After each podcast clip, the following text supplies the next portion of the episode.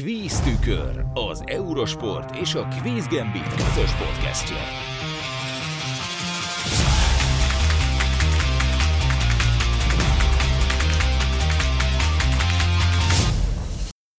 Sziasztok! Ez itt a Quiz Tükör, az Eurosport és a Quiz Gambit közös podcastje, ahol sportos kérdéseket fogunk föltenni és válaszolni rájuk. A quizmesterek, akik segítenek nekünk ebben a Quiz Gambit quizmesterei lesznek Peti, illetve Sali, aki majd csatlakozik hozzánk egy későbbi adásra. Azért velük működünk együtt, mert egyrészt jártunk korábban az ő kvízeiken, és nagyon jól szórakoztunk, másrészt a jövőben tervezünk az Eurosporttal közösen is kvízgembites rendezvényt tartani. Erről természetesen majd időben tájékoztatunk benneteket. Ráadásul ti csináljátok Magyarország első kvízes podcastjét is, úgyhogy nekünk pedig ilyen formátumunk még nem volt, úgyhogy gondoltuk, hogy kipróbáljuk ezt is.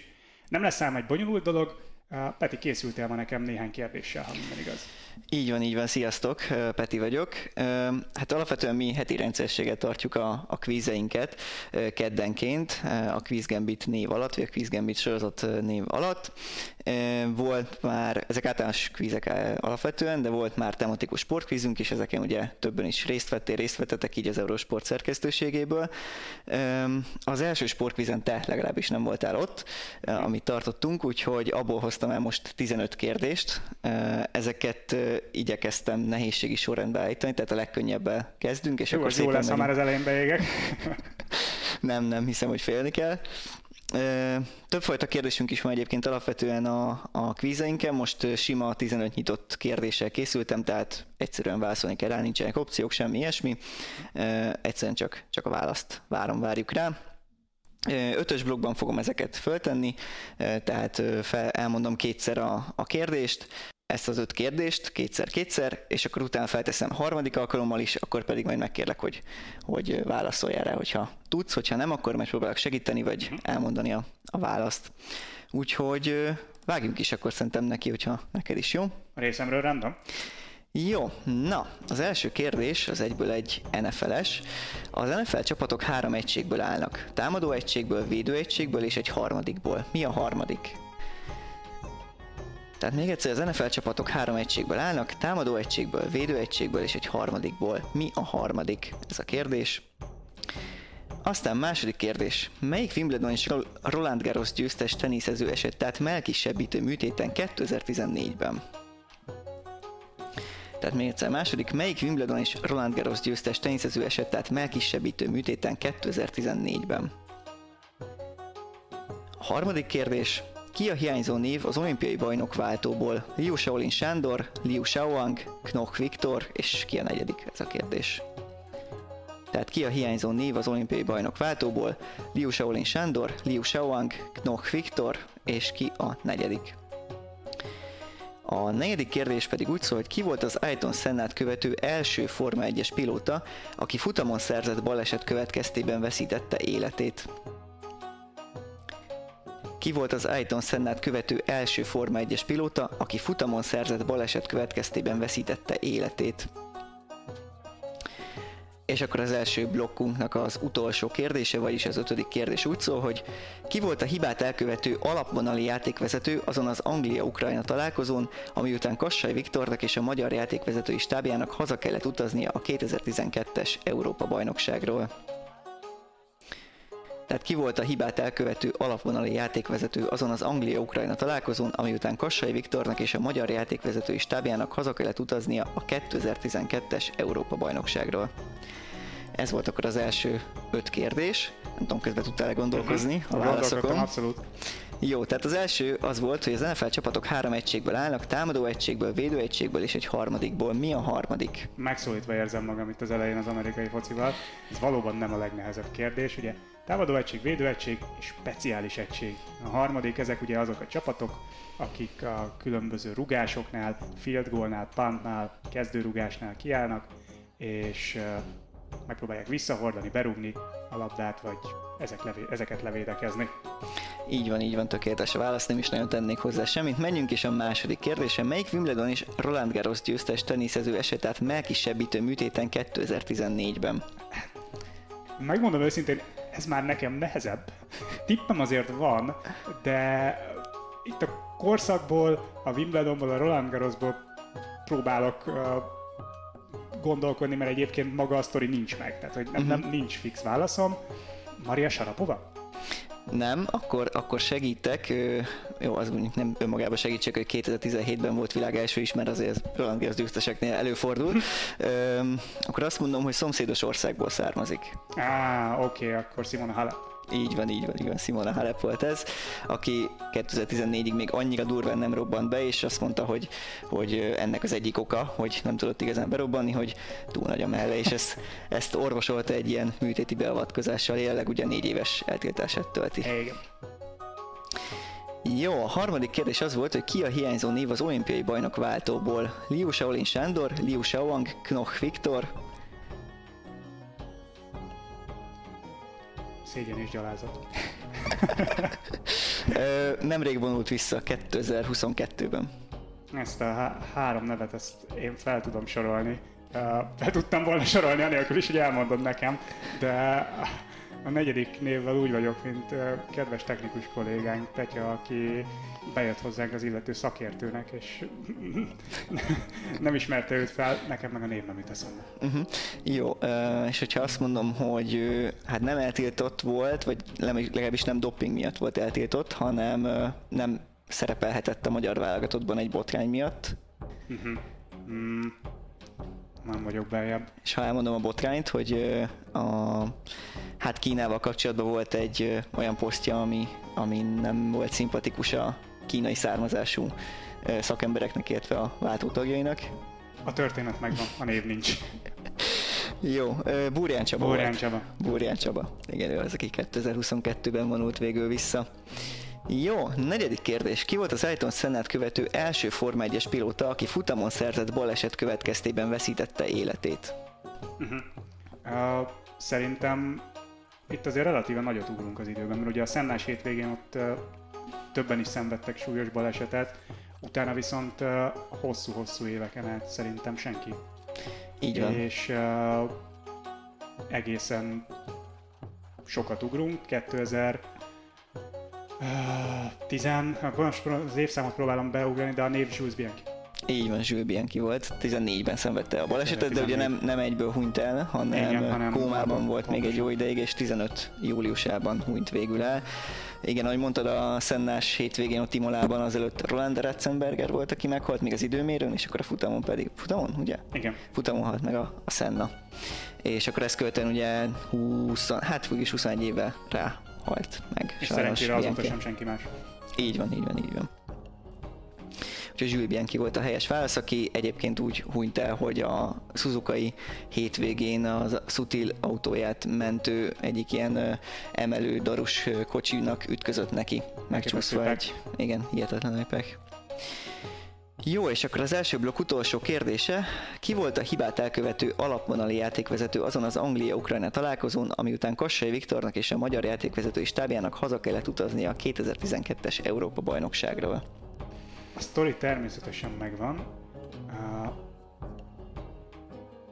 Nekem úgy rémlik, hogy ez egy teljesen, legalábbis az alapvonali játékvezető is, ugye egy vegyes tábok voltak, tehát nem kell minden játékvezetőnek feltétlenül magyarnak lennie ebben a csapatban, de én úgy, nekem úgy rémlik, hogy az alapvon, a hibát elkövető alapvonali játékvezető is magyar nemzetiségű volt. Igen, igen, anélkül azért nehéz lenne a kérdés. Nehezebb? Igen, uh, vad kettő István. Igen, igen, nagyon, nagyon helyes. Most 44 éves, és ez most már 12 éves sztori, szóval most már lassan visszavonuláshoz ér Vad 2 István, aki elkövette ezt a hibát. Azóta meg most már alapvonali játékvezetők sincsenek, úgyhogy Hát igen, meghaladta akkor. igen, igen, igen. Ugye ez volt az a helyzet, ami nagyon komolyan belejátszott aztán a gólvonal technológia, mint olyan bevezetésében, mert rájöttek, hogy hiába van ott alapvonali játékvezető, ő is elnézhet dolgokat. A technológia meg azért ennél egy fokkal biztosabb. Igen, igen. Egyébként ugye az történt, hogy Marko Devic az ukrán csatárát emelte Joe Hartot, aki kiszaladt a kapujából, és John Terry kanalazta ki a gólvonal mögül már a, a labdát, de azt hiszem, hogy emlékszem, valami azt mondták, hogy 12 centivel volt belül, teljes terjedelmével, vagy valami ilyesmi volt a, a sztori, és ez végül Ukrajna kieséséhez vezetett a tornán, ha jól emlékszem. Jól, abszolút. Jó, menjünk tovább akkor a második blokkunkra, 6-tól 10. kérdésig. Akkor most megint először csak felolvasom kétszer, és akkor harmadjára pedig majd megkérlek, hogy válaszolj, hogyha tudsz. Jó, hatos kérdés. Milyen nemzetiségű az első nem európai aranylabdás, illetve fia, aki pályára lépett a 2022-es labdarúgó világbajnokságon is, tehát ez két különböző nemzetiség. Milyen nemzetiségű az első nem európai aranylabdás, illetve fia, aki pályára lépett a 2022-es labdarúgó világbajnokságon is? Hogy nevezik azt az időszakot vagy állapotot, amikor az amerikai major sportokban a tulajdonosok nem tudnak megegyezésre jutni a játékos szakszervezetekkel a kollektív szerződés részleteiben, ezért az adott idény egész egyszerűen nem kezdődik el. Következő kérdés. Ki ellen vívta a sakk világbajnoki döntőt 2004-ben Lékó Péter? Ki ellen vívta a sakk világbajnoki döntőt 2004-ben Lékó Péter? Ki az az ötszörös Grand Slam győztes korábbi világ első teniszező, aki elmondhatja magáról, hogy a sportolók közül 2005-ben és 2008-ban is rákerestek rá a legtöbb alkalommal a Yahoo honlapján? De gondol, azon is, hogy miért vajon. Tehát a kérdés az, hogy ki az az ötszörös Grand Slam győztes korábbi világ első teniszező, aki elmondhatja magáról, hogy a sportolók közül 2005-ben és 2008-ban is rákerestek rá a legtöbb alkalommal a Yahoo honlapján. És akkor a második blokk utolsó kérdése. 2022. szeptemberében Ilya Malinyin olyan tettet vitt véghez sportágában, amire korábban még soha nem volt példa versenykörülmények között. Mi volt ez a tett? Tehát 2022. szeptemberében Ilya Malinyin olyan tettet vitt véghez sportágában, amire korábban még soha nem volt példa versenykörülmények között. Mi volt ez a tett? Jó, ez volt a második ötösünk, és akkor ugorjunk vissza a hatodik kérdése. Az volt, hogy milyen nemzetiségű az első nem európai aranylabdás, illetve fia, aki pályára lépett a 2022-es labdarúgó világbajnokságon is, tehát itt két különböző nemzetiséget várnék. Becsapós lenne, hogyha kétszer ugyanazt kéne mondanom, de ugye nem is csak nem egy országról van szó, hanem is ugyanaz a kontinens, hiszen uh, az első nem európai aranylabdás focista George Weah, ugye 1990 kettő, három, ilyesmi. Én hetet tippelek, de 97, erre, nem, aha. erre nem vagyok felkészülve, megmondom őszintén. Minden esetre ő libériai nemzetiségű volt, tehát egy afrikai így országból származott. A fia, uh, Timothy Weah viszont uh, már amerikai színekben lépett pályára, uh, lép pályára a mai napig, ugye többek között a 2022-es világbajnokságon is. Így van, így van, tökéletes a válasz. Jelenleg ugye Juventusnál játszik Timothy Weah.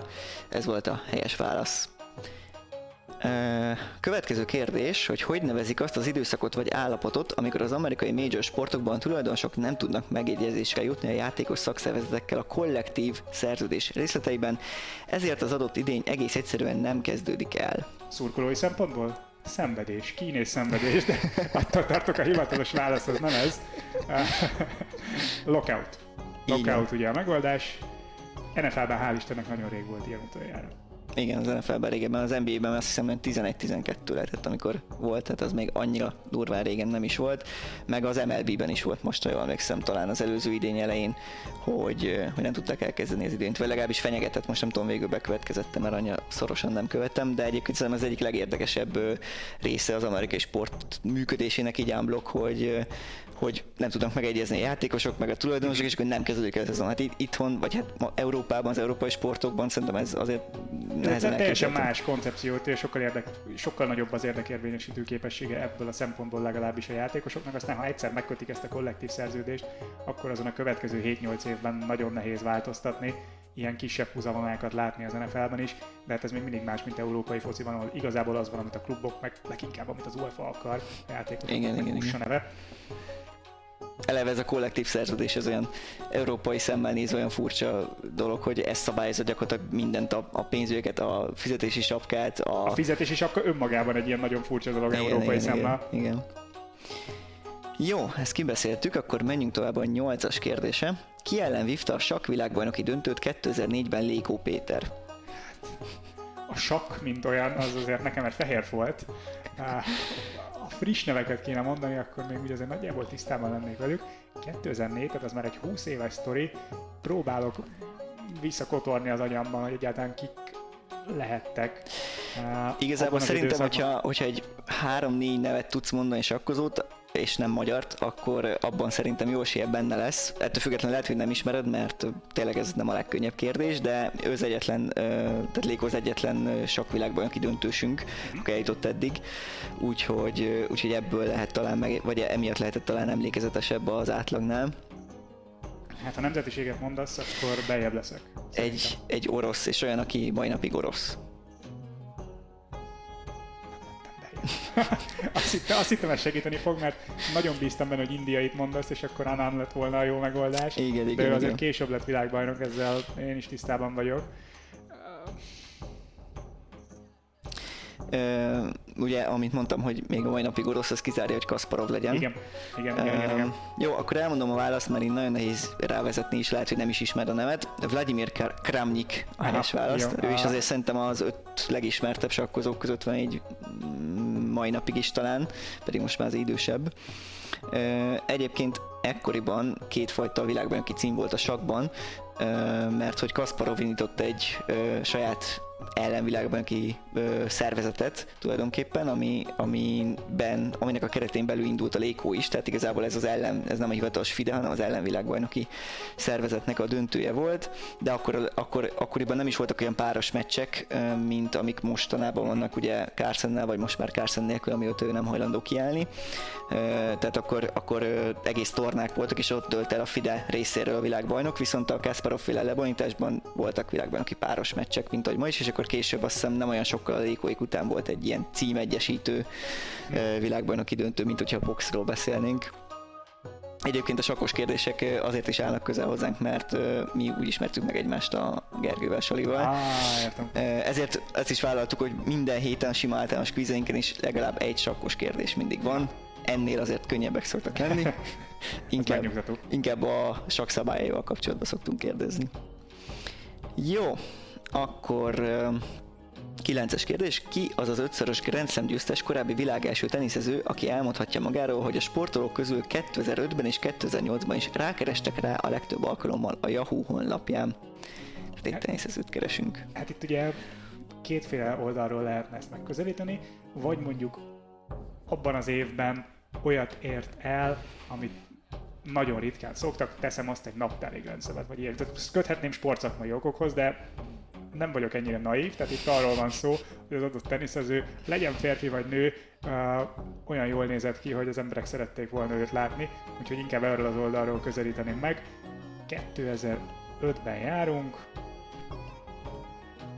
És ötszörös Grand Slam van ötszörös. Grand Slam győztes, igen, tehát bármilyen jól is nézett ki a 18 éves Rafa Nadal, nyilván nem ő az, mert egy kicsit több Grand Slam-et nyert. Igen, Ah, igen, igen. De egyébként abszolút jól gondolkodsz, ez a, ez a nyitja. Mert önmagában szerintem még egy, egy Golden Slam sem lenne elég ahhoz, hogy, hogy többször nyissák meg az ő oldalát, vagy ő rákeresnek rá legtöbbször, Nem, nem, mint nem. mondjuk nem tudom, Tom Brady-re, vagy, vagy ilyesmi. Pontosan. Uh, Kurnikova? Anasztazia Kurnikova? Nem, nem, elhangzott már ez a név. Mint? Most, itt, amióta itt ülünk. A helyes válasz. Ha? Mm.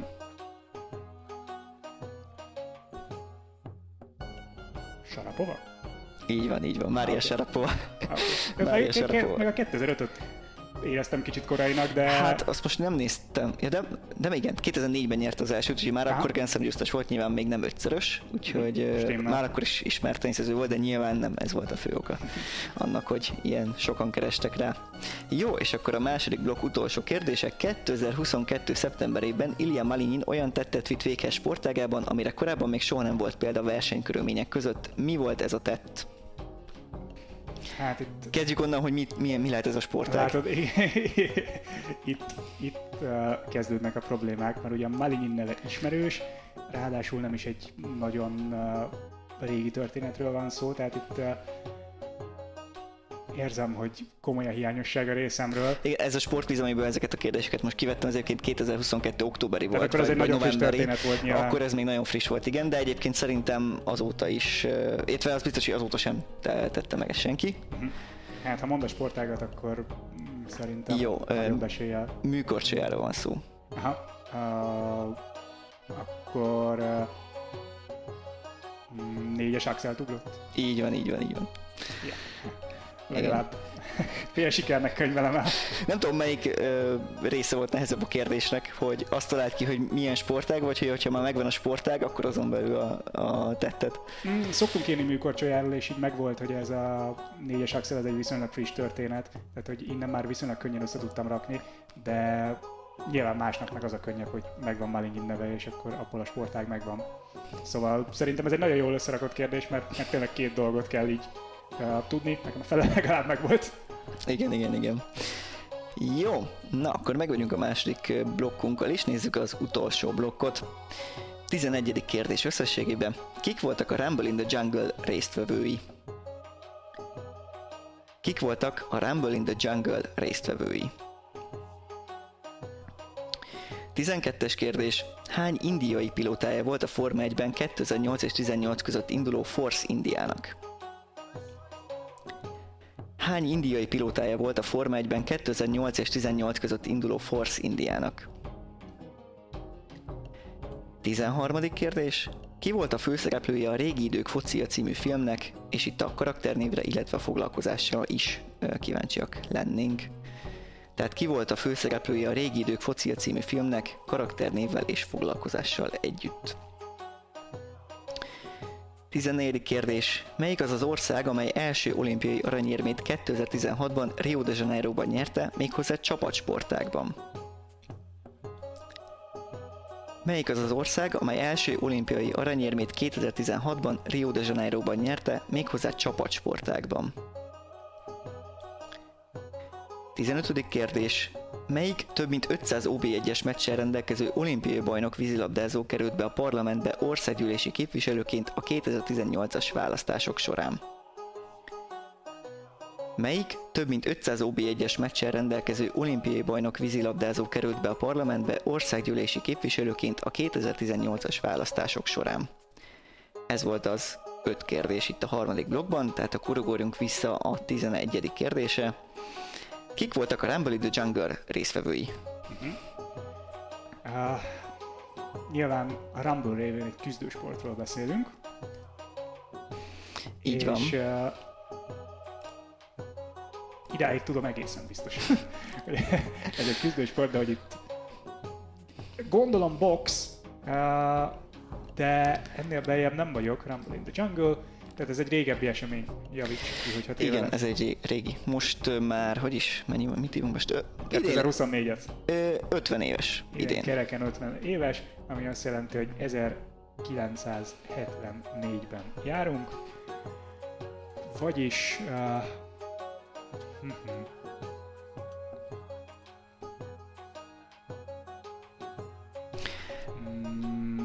itt is a helyesen mondtad azt, hogy a, a boxról van szó, tehát itt is szerintem a két legfrekventáltabban tippelt korabeli nevet, hogyha bemondod, az uh-huh. jó esélye jó lesz. Bár a vásárhelyi kollégáik, ha jól emlékszem, ezt a kérdést pont elrontották, az egyik név volt csak meg nekik, és egy másik nagyon híreset írtak be.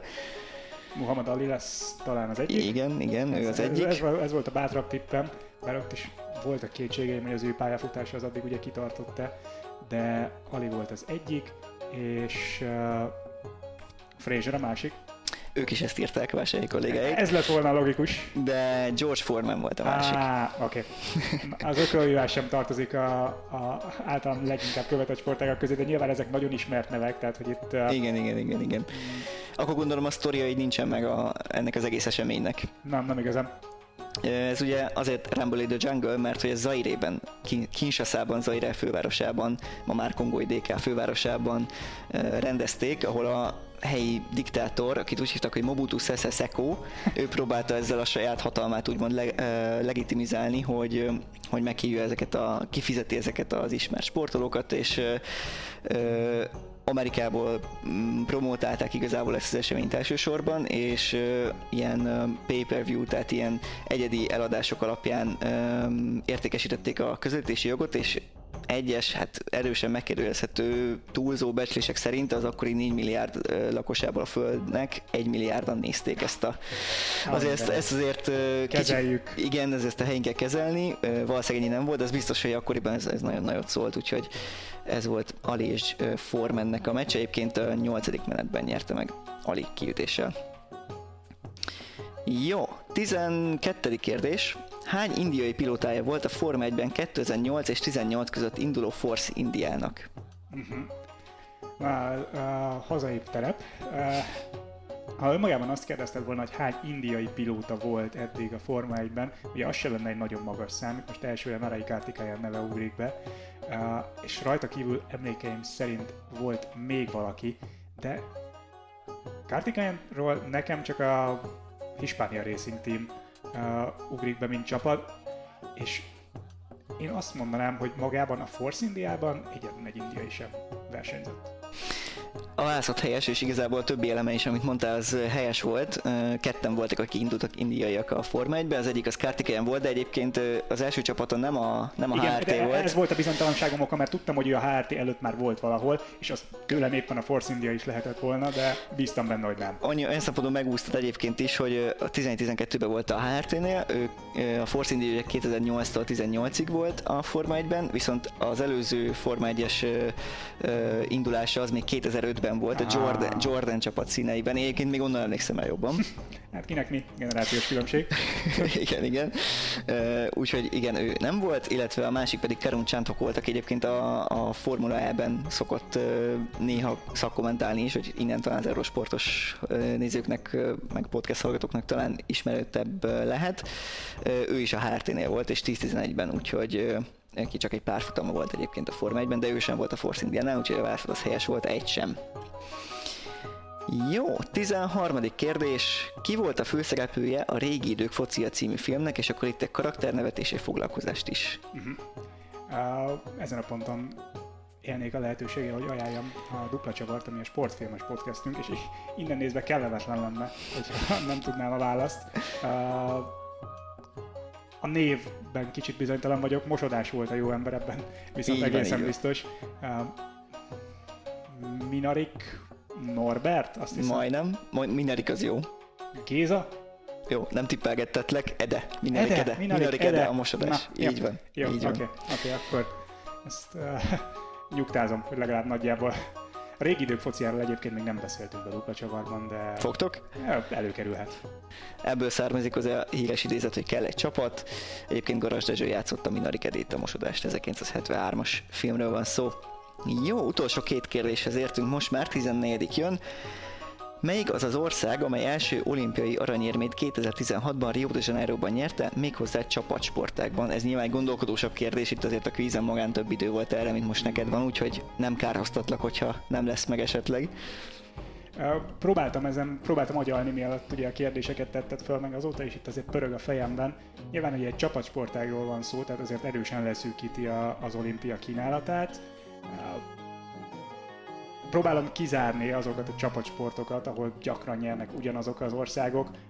Tehát például a vízilabda ilyen szempontból uh, esélytelen, hiszen ott azért évről évre, vagy négy évről négy évre ugyanazok a válogatottak kerülnek elő, ráadásul 16-ban emlékeim szerint Szerbia nyert, tehát hogy az... Uh, Igen, mondjuk például Montenegro egyébként olyan sokat nem nyert szerintem. Jogos. Jogos. De nem ez a válasz, csak Mon- mondom, Montenegro, Montenegro egy jó, és próbálok azok felé a sportágak, csapatsportágak fele tendálni, amik vagy régebb óta, a, vagy tehát kevésbé régebb óta szerepelnek a, az olimpia versenyprogramjában, nem tudom, strandröplabda, mm, háromszor hármas kosárlabda, és szerintem 16-ban még talán nem is volt, de most elbizonytalanodtam. Azt hiszem most debütált, igen. Most az legutóbbi volt. Vagy olyan sportágakban, amiket meg abszolút kevéssé követek. Csak ott meg ugye nyilván nehéz olyan válogatottat mondani, akikről tudnám, hogy jó, mint a, a gyeplabda. Ott azért gyakran nyernek a hollandok, szóval hajlanék rá, hogy ho, ó nem, tudom, megvan. Uh, rugby, és uh, Fiji, Fiji talán a megoldás, most nagyon hirtelen, szép, hirtelen szép, beugrott. szép, szép, összeraktad. Összeraktad, igen. Így van, hetes rögbi, ami 16-ban debütált az olimpián, és Fiji lett ugye a, a bajnok, és egyébként 20-ban is ők nyerték meg, valamint a 20-ban már volt női hetes rögbi is, és ott pedig bronzérmet szereztek, úgyhogy gyakorlatilag minden egyes számban eddig érmesek lettek hetes rögbiben, úgyhogy előtte semmi más érmük nem volt semmilyen számban olimpiáról. De szép, szép, összeraktad. Jó, és az utolsó az még talán nehezebben összerakható, hogyha nem tudja az ember. Melyik több mint 500 OB1-es meccsen rendelkező olimpiai bajnok vízilabdázó került be a parlamentbe országgyűlési képviselőként a 2018-as választások során? Hát itt tényleg csak tippelni tudok, tehát hogy az 500 OB1-es meccs szűkítené a kört, hogyha lenne bármilyen elképzelésem arról, hogy ez mennyiségben mennyi. Tehát hogy az a baj, nem, nem tudom, hogy milyen hosszú egy szezon, de nyilván egy hosszú pályafutásról van szó, és ugye az még egy kis segítség, hogy olyan vízilabdázóról, aki azért jó részt Magyarországon játszott, hiszen OB1-es meccsekről van szó, tehát mondjuk Kásás Tamást ilyen szempontból ki tudnám zárni, ha egyébként nem tudnám, hogy Kásás Tamás nem országgyűlési képviselő de ennél sokkal bejebb nem jutott. Igen, az a baj, hogy mm, segíthetnénk, mert írtam még fel egy pár dolgot, például, hogy 162-es válogatott, vagy hogy csak Aténban nyert 2004-ben, vagy hogy 18-ban vonult vissza a Vasastól, vagy azt elmondani, hogy a Jobbik színében került be a parlamentbe, de hogyha nem tudod, akkor ez nyilván ez így nehéz kitalálni. Hát nehezebb. A 2004 az olyan szempontból segíthetne, hogy akkor nyilván nem gondolkodnék a, a frissebb nevek között. Tehát ott a, akkor az azt jelenteni, hogy tehát ő ráadásul a három olimpiából csak a középsőn nyert olimpiai aranyat, tehát nem volt állandó kerettagja ennek a, ennek a legendás triplázó csapatnak. De a név nem fog. Szerintem ettől függetlenül ismert egyébként, de akkor elmondom, hogy dr. Steinmetz Ádámról hát, igen, igen, igen, igen, és így már meg is van, hogy igen. tudom is a párthoz kötni, és, és természetesen név is megvan, de nem tudtam volna összerakni itt, ha a napestig ülünk itt, úgyhogy... Igen, igen, hát ez volt már a legnehezebb, általán legalábbis legnehezebbnek ítélt kérdés, úgyhogy uh, 22-ben is indult egyébként a választásokon, de akkor veszített és nem került be. Jó, ezzel a 15 kérdéssel készültem így első körben. Remélem, hogy tetszett nektek a formátum, mert jelentkezünk majd havi rendszerességgel, tehát kvíztükörkvízzel, és ahogy említettem, tervezünk kvízes együttműködést is a Quizgambit csapatával, Erről majd, ahogy lesz több információnk, természetesen megosztjuk majd veletek.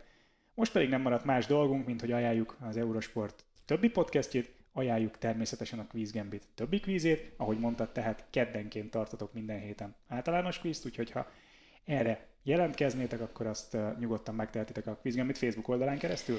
Igen, illetve van egy podcastünk is, saját podcastünk, ahol pedig hasonló, csak nem sporttematikai, hanem általános tematikájú kérdésekkel válaszolunk, illetve beszélgetünk játékosainkkal a legutóbbi adásban, ami most kikerült, ott például Vásárhelyi Tamással, akit nem legettünk, ugye korábbi eurosportos kommentátorral, jelenleg nincs sportos kommentátorral van egy beszélgetésünk, úgyhogy igen, azt is megtaláljátok Spotify-on.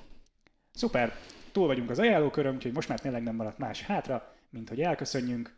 Találkozunk akkor a következő adásban. Sziasztok! Sziasztok!